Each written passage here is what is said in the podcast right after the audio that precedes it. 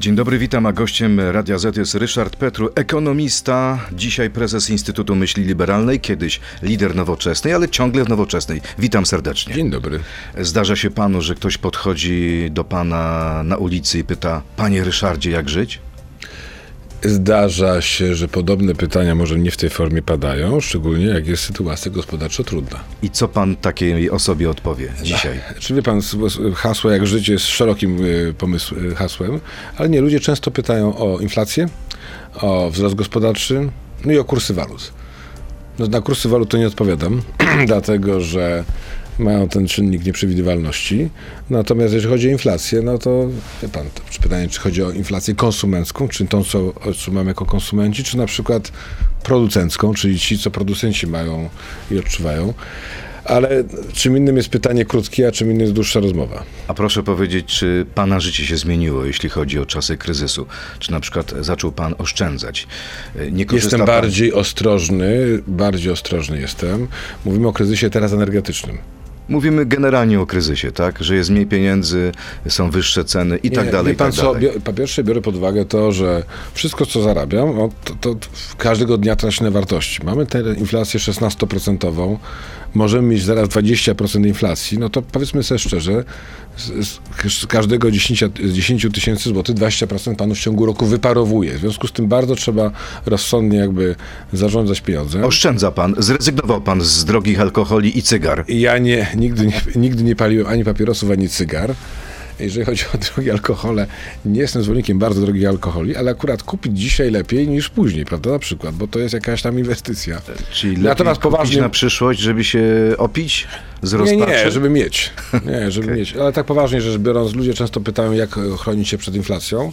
Im ktoś bardziej, mniej zamożnym, tym trudniej. Jak się chronić przed inflacją dzisiaj? Im mniej, im mniej osoba zamożna, tym trudniej. Jest oczywiście, zawsze było tak, że ziemia, y, nieruchomości były formą zabezpieczenia się przed inflacją, ale oczywiście jest teraz tak, że na przykład w Polsce budownictwo stanęło zupełnie, deweloperskie, mieszkaniowe, ze względu na bardzo wysokie 100%, co zupełnie zahamowało prawie ten napływ pieniądza kredytowego i ludzie, po prostu większość osób nie jest w stanie wziąć kredytu, dlatego tu będziemy mieć jakieś tam tąpnięcie na tym rynku, natomiast w długim okresie czasu no takie aktywa właśnie jak ziemia czy nieruchomości są formą zabezpieczenia się przed inflacją. No ale tak, ale trzeba mieć na to pieniądze. Trzeba Dokładnie. niestety mieć na to pieniądze, dlatego najbardziej inflacja uderza w osoby niezamożne, biedne. Stopy procentowe wzrosły po raz 11 z rzędu. Obecnie są na najwyższym poziomie od 20 lat. E, Czy na tej ostatniej podwyżce się skończy? No obawiam się, że to nie koniec. Jestem przekonany, pomimo tego, co obiecywał prezes Glapiński i co być może dzisiaj powie, no tam była taka retoryka, że to będzie ostatnia po- po- podwyżka, no ale co się dzieje? Zaskakują nas dane inflacyjne, są wyższe niż się spodziewaliśmy wcześniej. Jestem przekonany, że jak inflacja zacznie się zbliżać do 20%, to Rada Polityki Pieniężnej kolejny raz będzie zmuszona podwyższyć stopy. To, co się dzieje na świecie, to banki centralne przyjęły taką strategię, robimy wszystko, żeby zahamować inflację. Bez względu na to, czy spowoduje to recesję, czy też nie. To oznacza, że inflacja jest tak groźna w tym momencie, że są w stanie zwalczyć ją kosztem spowolnienia gospodarczego i sądzę, że będzie tak samo w Polsce. Co to oznacza? Że być może za dwa lata inflacja będzie znacznie niższa, ale czeka nas albo recesja, albo bardzo mocne spowolnienie. Recesja na pewno w krajach zachodnich, bardzo mocne spowolnienie w Polsce, a to się przekłada na zwolnienia pracowników pracy. Oznacza to znacznie mniejszy wzrost płac niż inflacji i trudności gospodarcze, które przed nami w ciągu najbliższych 12 miesięcy, one też przełożą się oczywiście na sytuację wyborczą. Jestem przekonany, że to najbardziej uderzy w PiS. Nie cała ta retoryka, tylko najbardziej uderzy spowolnienie gospodarcze i relatywne zubożenie społeczeństwa. Czyli najbliższe miesiące, Pana zdaniem, to będzie tsunami, jeśli chodzi o gospodarkę? Jestem przekonany, że globalnie będzie tsunami. Nie chcę powiedzieć, że to będzie miesiąc październik, listopad, grudzień, bo to są procesy gospodarcze, ale firmy w Polsce już zaczęły zwalniać. Dlaczego zaczęły zwalniać? No bo mają tak wysokie koszty energii, że gdyby miały to przerzucić na klienta, no to klient nie chce tego kupić. W związku z tym mniej produkują. Jak mniej produkują, to tylu pracowników, co mieli wcześniej, im nie potrzeba. W związku z tym zwalniają. A proszę powiedzieć, jak to e, porównać e, z ostatnimi danymi Eurostatu? Z nich wynika, że mamy bardzo niewielkie bezrobocie i to w momencie napływu sporej grupy Ukraińców, którzy trafili na rynek, rynek To pracy. prawda. To mówię, dopiero ten proces się zacznie. Ja nie spodziewam się bardzo wysokiego bezrobocia, no ale wie pan, to trzeba już z, z, rozmawiać z konkretnymi osobami, z konkretnymi branżami. W danej branży może być bardzo źle. Pamiętajmy też, jeżeli chodzi o napływ Ukraińców, napływają, odpływają. Różnie to bywa, jeżeli chodzi... Dużo mężczyzn jednak wyjechało, pamiętajmy, że przyjechało dużo kobiet do Polski, ale wyjechało dużo mężczyzn, wielu mężczyzn na Ukrainę. W związku z tym spodziewam się olbrzymich problemów gospodarczych. Najważniejsze jest to, że czeka nas zubożenie społeczeństwa. Upraszczając, jeżeli pana inflacja rośnie 16-17%, a pensje 8%, no to jest pan 8% do tyłu. Ale jest pan pewien, że ta inflacja rzeczywiście pójdzie w górę? Pewien Bo są tacy, którzy myśleli, że już w tym poprzednim e, badaniu ta inflacja będzie niższa, tak? Pewien być nie mogę, dlatego że mamy czynnik zewnętrzny, jaki jest y, cena ropy, cena gazu, ale widzi pan, co się dzieje w Europie. Widzi pan, że perspektywa jest raczej na wzrost inflacji niż na niższą inflację i obawiam się raczej ryzyka i chyba mówi nawet o NBP, że istnieje ryzyko, że inflacja nas będzie cały czas zaskakiwać na wyższych odczytach niż niższych. To oznacza, że płace nie będą w stanie, płace, po- wynag- wynagrodzenia nie będą w stanie nadganiać inflacji. W związku z tym za rok będziemy relatywnie ubożsi. Rozumie pan? Tak samo jak dzisiaj to 500 plus jest warte 370 zł, za tyle może pan kupić towary, tak samo będzie z pensjami. Te nasze pensje będą po prostu, mniej za nie będzie można kupić. Oczywiście Polak będzie musiał zacząć oszczędzać, mniej wakacji, tańsze różnego rodzaju zakupy i tak dalej, i tak dalej. Ale dobrze, mamy sytuację taką, że jest też rynek surowców. No i okazuje się, że ten gaz, który poszedł w górę w ubiegłym tygodniu, teraz wraca, przepraszam, do tego poziomu y, z, sprzed tygodnia. To samo z ropą, która tanieje. Ja- Czy, czy to tak naprawdę nie sprawi, że jednak będzie jakieś światełko w tunelu? Znaczy ja bym, y, wie pan, ten tyl- tunel jest bardzo kręty. W związku z tym ba, ba, boję się tego światełka. Ono może nic nie oznaczać. Dobrze wiemy, że to jest zupełnie nieprzewidywalne. Zamknięcie kurka, dowiadujemy się, że Niemcy mają prawie że pełne ma- magazyny, spada cena. Co to znaczy? Tam jest dużo spekulacji, dużo niepewności.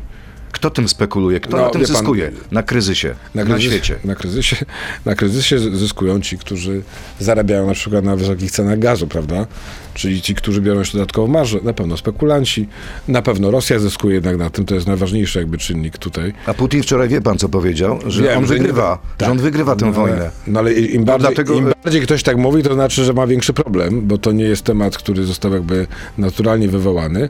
Na pewno Chiny mogą też na tym zyskiwać, bo Chiny na przykład mają tańszy gaz. Relatywnie zyskują Stany, też mają tańszy gaz i oni się stają relatywnie konkurencyjni. Mamy wielką globalną rozgrywkę geopolityczną i w tle jest wielka walka między Chinami a Stanami Zjednoczonymi, a my mamy tutaj w naszej części Europy oczywiście główny konflikt między Rosją a Ukrainą, a siłą rzeczy z krajami Zachodu. A co z y, relacjami Polski z Chinami dzisiaj, gospodarczymi, finansowymi? Pan by w to wszedł, czy nie? No bo wie pan, najważniejsze, żebyśmy mieli dobrą relację z Unią Europejską i z Unią Europejską wszystko musimy tego typu strategiczne rzeczy ustalać, bo na końcu dnia może się podzielić ten świat i tak w tym kierunku to idzie, na świat demokratyczny i niedemokratyczny, czyli czeka być może nas taka druga zimna wojna w innej formule, ale wielkich bloków. Blok demokratyczny, czyli Europa ze Stanami i blok niedemokratyczny, być może Chiny z Rosją. Nie wiemy jak to się skończy.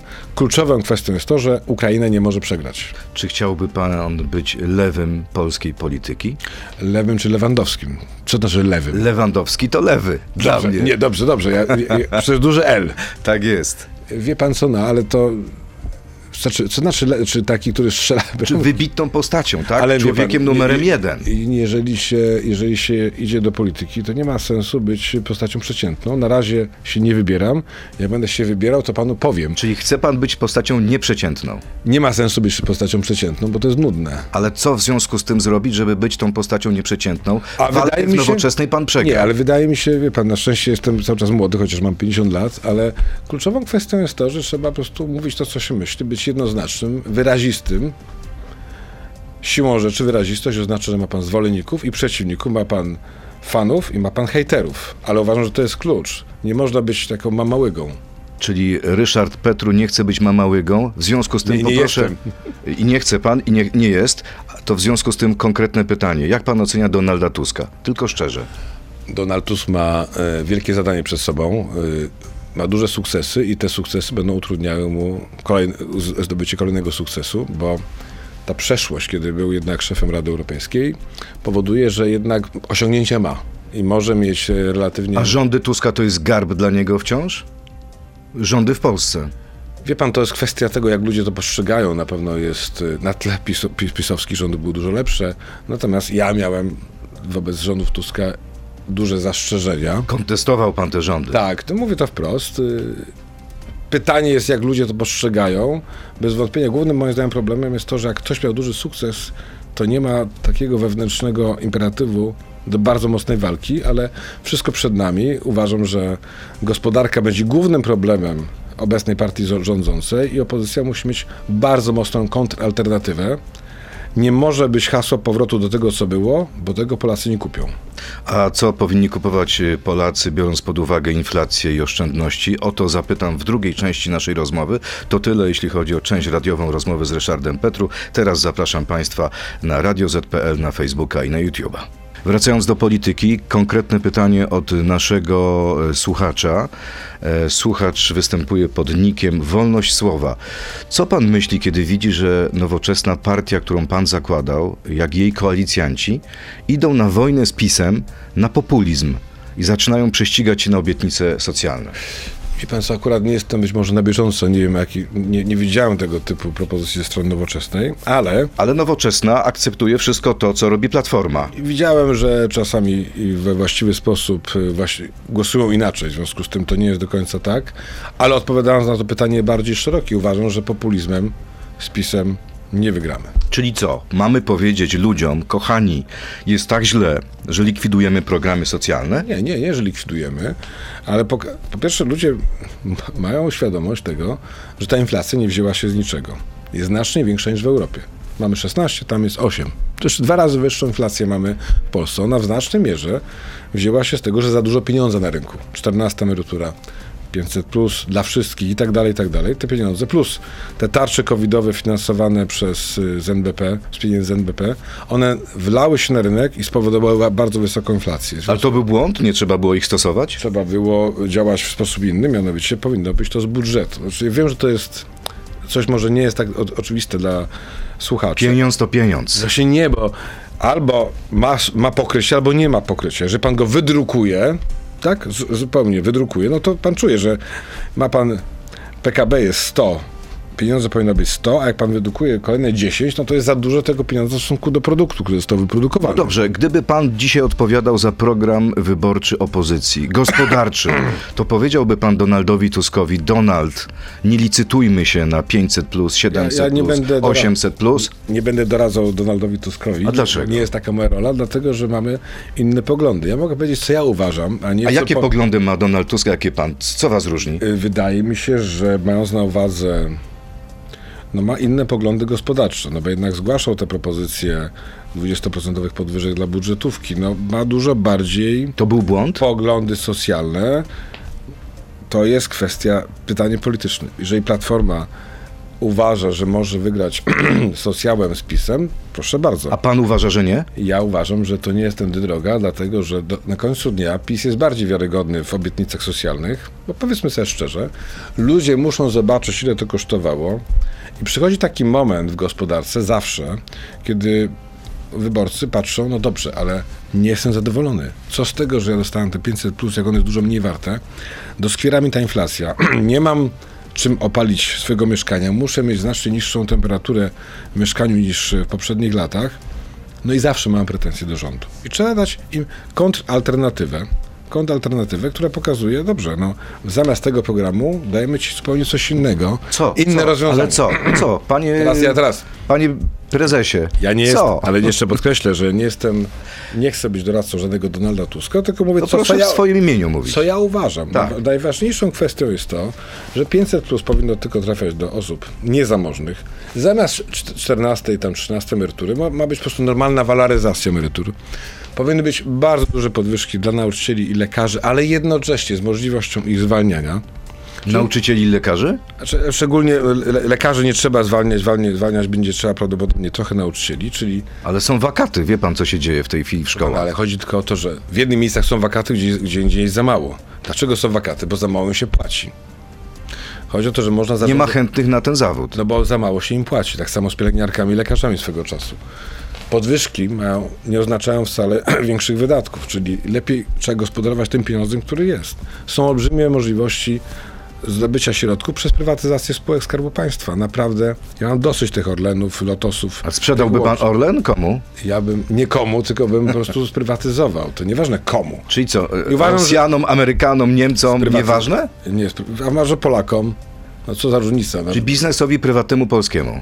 nie, e, sprze- chodzi o to, że musi być konkurencja. Od tego jest urząd konkurencji, żeby była konkurencja. Nie widzę powodu, żeby y, stacje benzynowe miały polską, polską na- nalepkę. Na końcu dnia i tak tak naprawdę mamy już teraz y, inwestora arabskiego.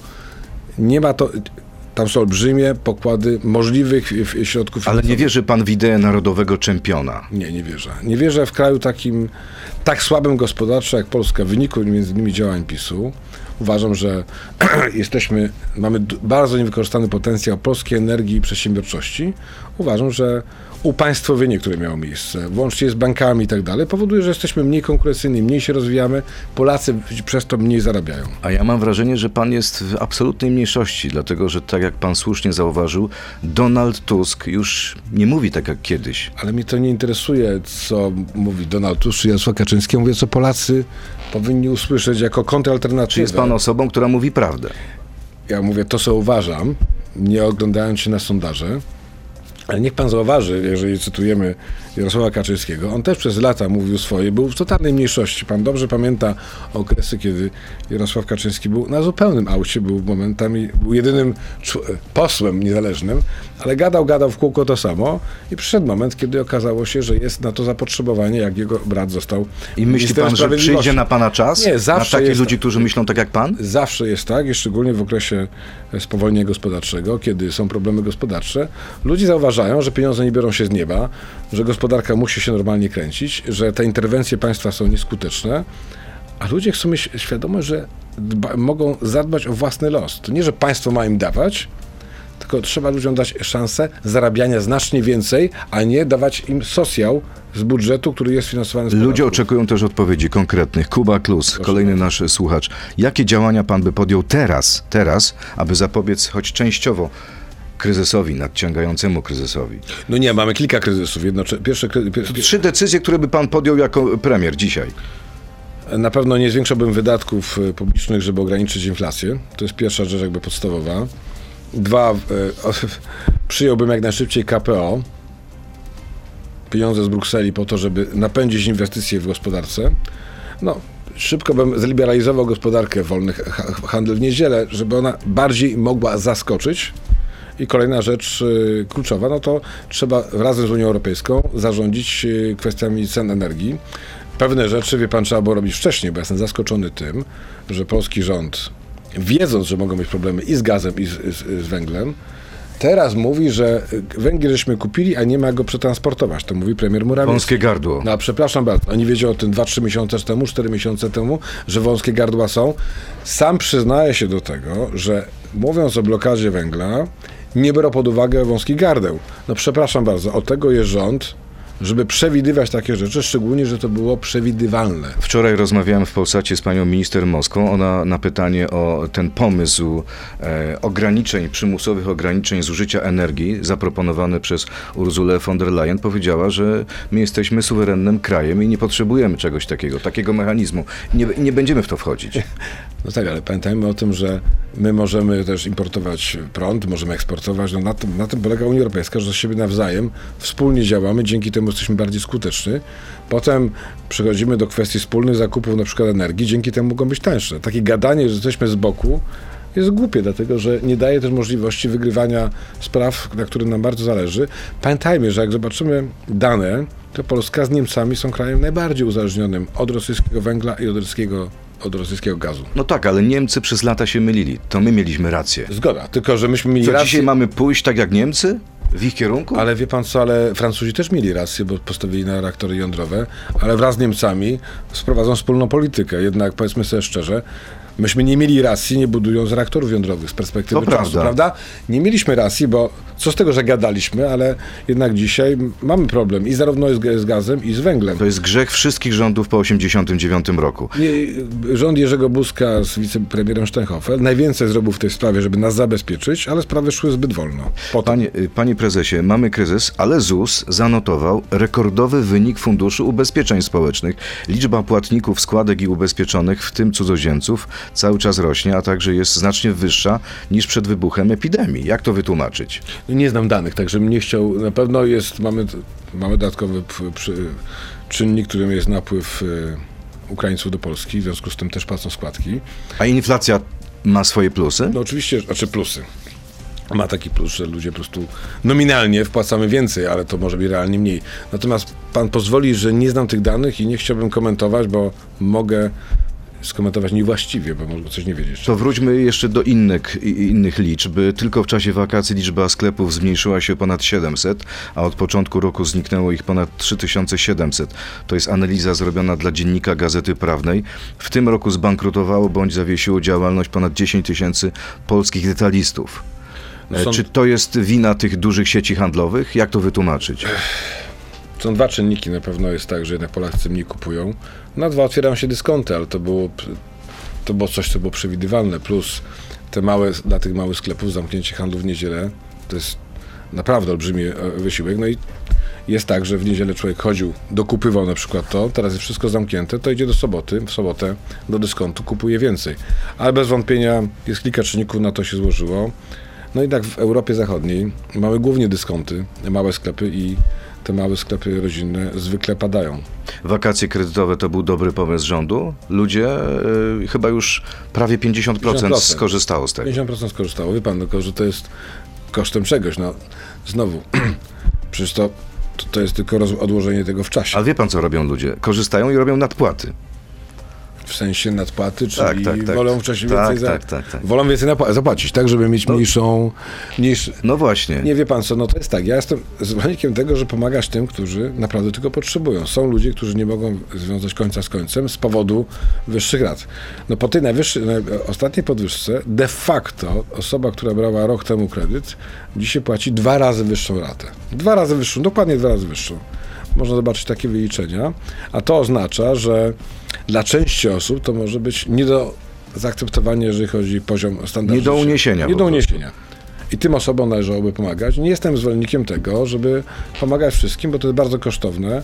Polityka socjalna, społeczna powinna być skierowana do tych, co potrzebują, a nie do wszystkich. Mamy teraz taką sytuację, że jakby te wysokie raty kredytów spowodowały, że czasami czynsz, który płacimy za wynajem jest y, dużo niższy, nawet o 1000 zł w dużych miastach, niż y, ta rata. Czy w związku z tym to wpłynie jakoś na rynek mieszkaniowy, No rynek tak. budowlany? No, znaczy, w średnim teraz y, jest bardzo duża presja na to, żeby budować mieszkania na wynajem. No bo ludzie nie są w stanie kupować, w związku z tym stąd Resi for Rent jako taki, taki nowy trend, ale powiem tak, no w Polsce jest za mało mieszkań. Ludzie nie mają gdzie mieszkać.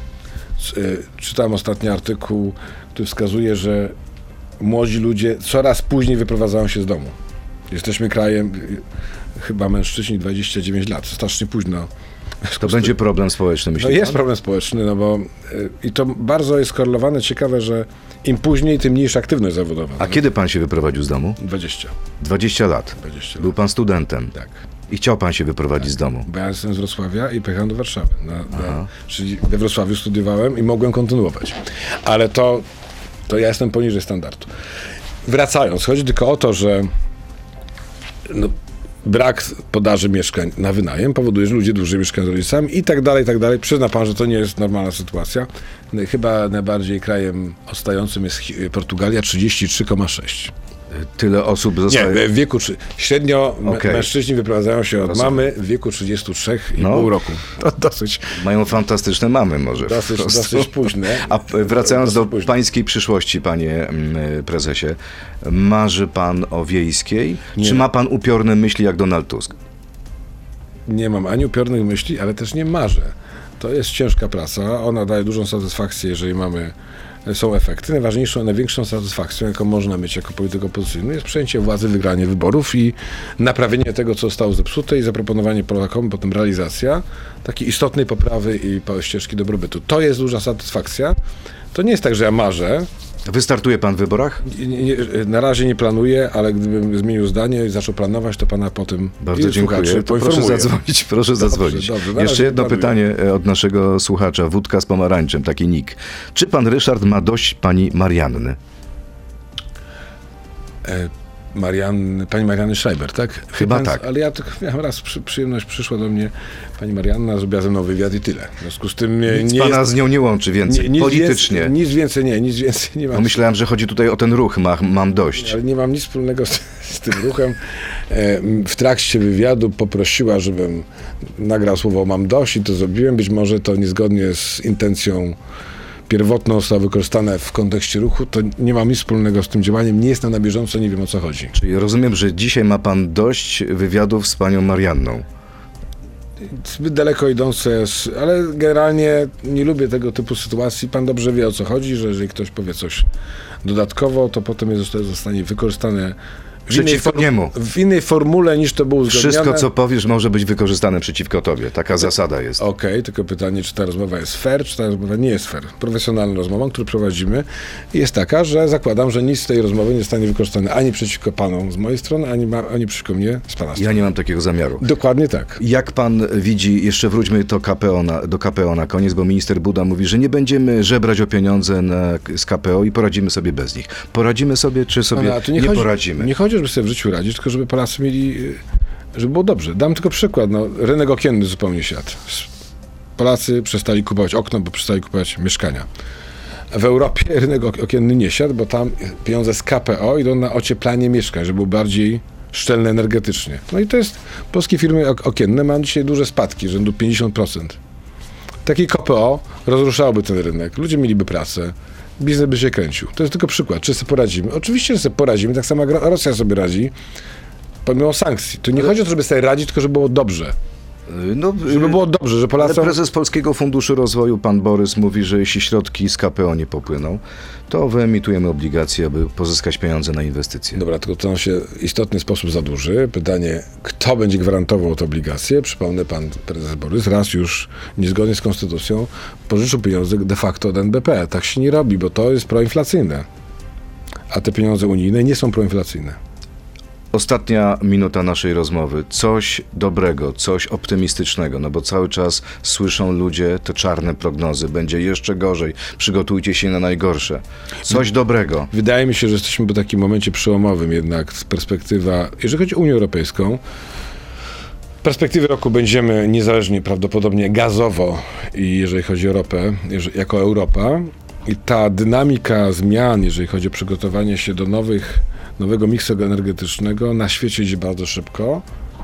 Czeka nas 12 trudnych miesięcy, ale to bardzo istotnie słabe Rosji i naprawdę może ten wstrząs tą zaletę ma, że polityka energetyczna Europy, szczególnie i Polski, musi tak zmienić, żebyśmy naprawdę byli niezależni, bezpieczni i żeby ta energia nie była droga. Czyli warto przecierpieć tą zimę, bo Putin wcześniej czy później upadnie?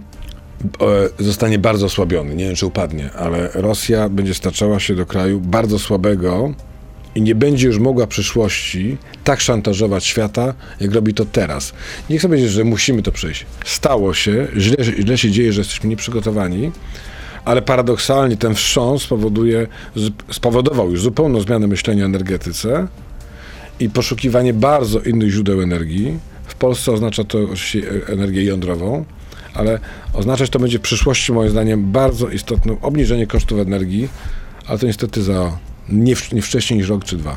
Ale to jest jakaś perspektywa i warto e, o niej myśleć. Bardzo dziękuję, za Dziękuję te bardzo. optymistyczne słowa. Ryszard Petru, ekonomista, nowoczesna, prezes Instytutu Myśli Liberalnej, był gościem Radia Z. Dziękuję, Dziękuję bardzo. bardzo. To był gość Radia Z. Słuchaj codziennie w Radio Z i na player radioz.pl.